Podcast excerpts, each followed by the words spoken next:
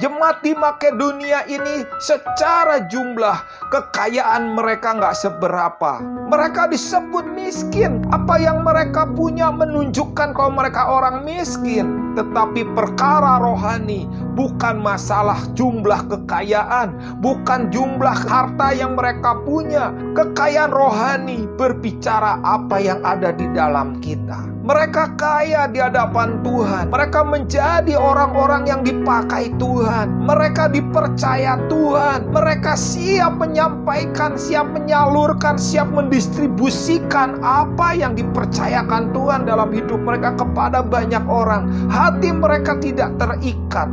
Mereka tidak melekat kepada hartanya. Mereka tidak menjadikan hartanya itu adalah berhala, tetapi mereka membiarkan hidup mereka dipakai Tuhan. Kekayaan bukanlah kekayaan kalau itu mengikat kita. Kekayaan bukanlah sesuatu yang penting kalau itu membuat kita menjauh dari Tuhan. Kekayaan kita butuhkan, tetapi kekayaan bukanlah yang utama. Si miskin yang kaya itu bukan karena harta, si miskin kaya itu karena di dalamnya kaya.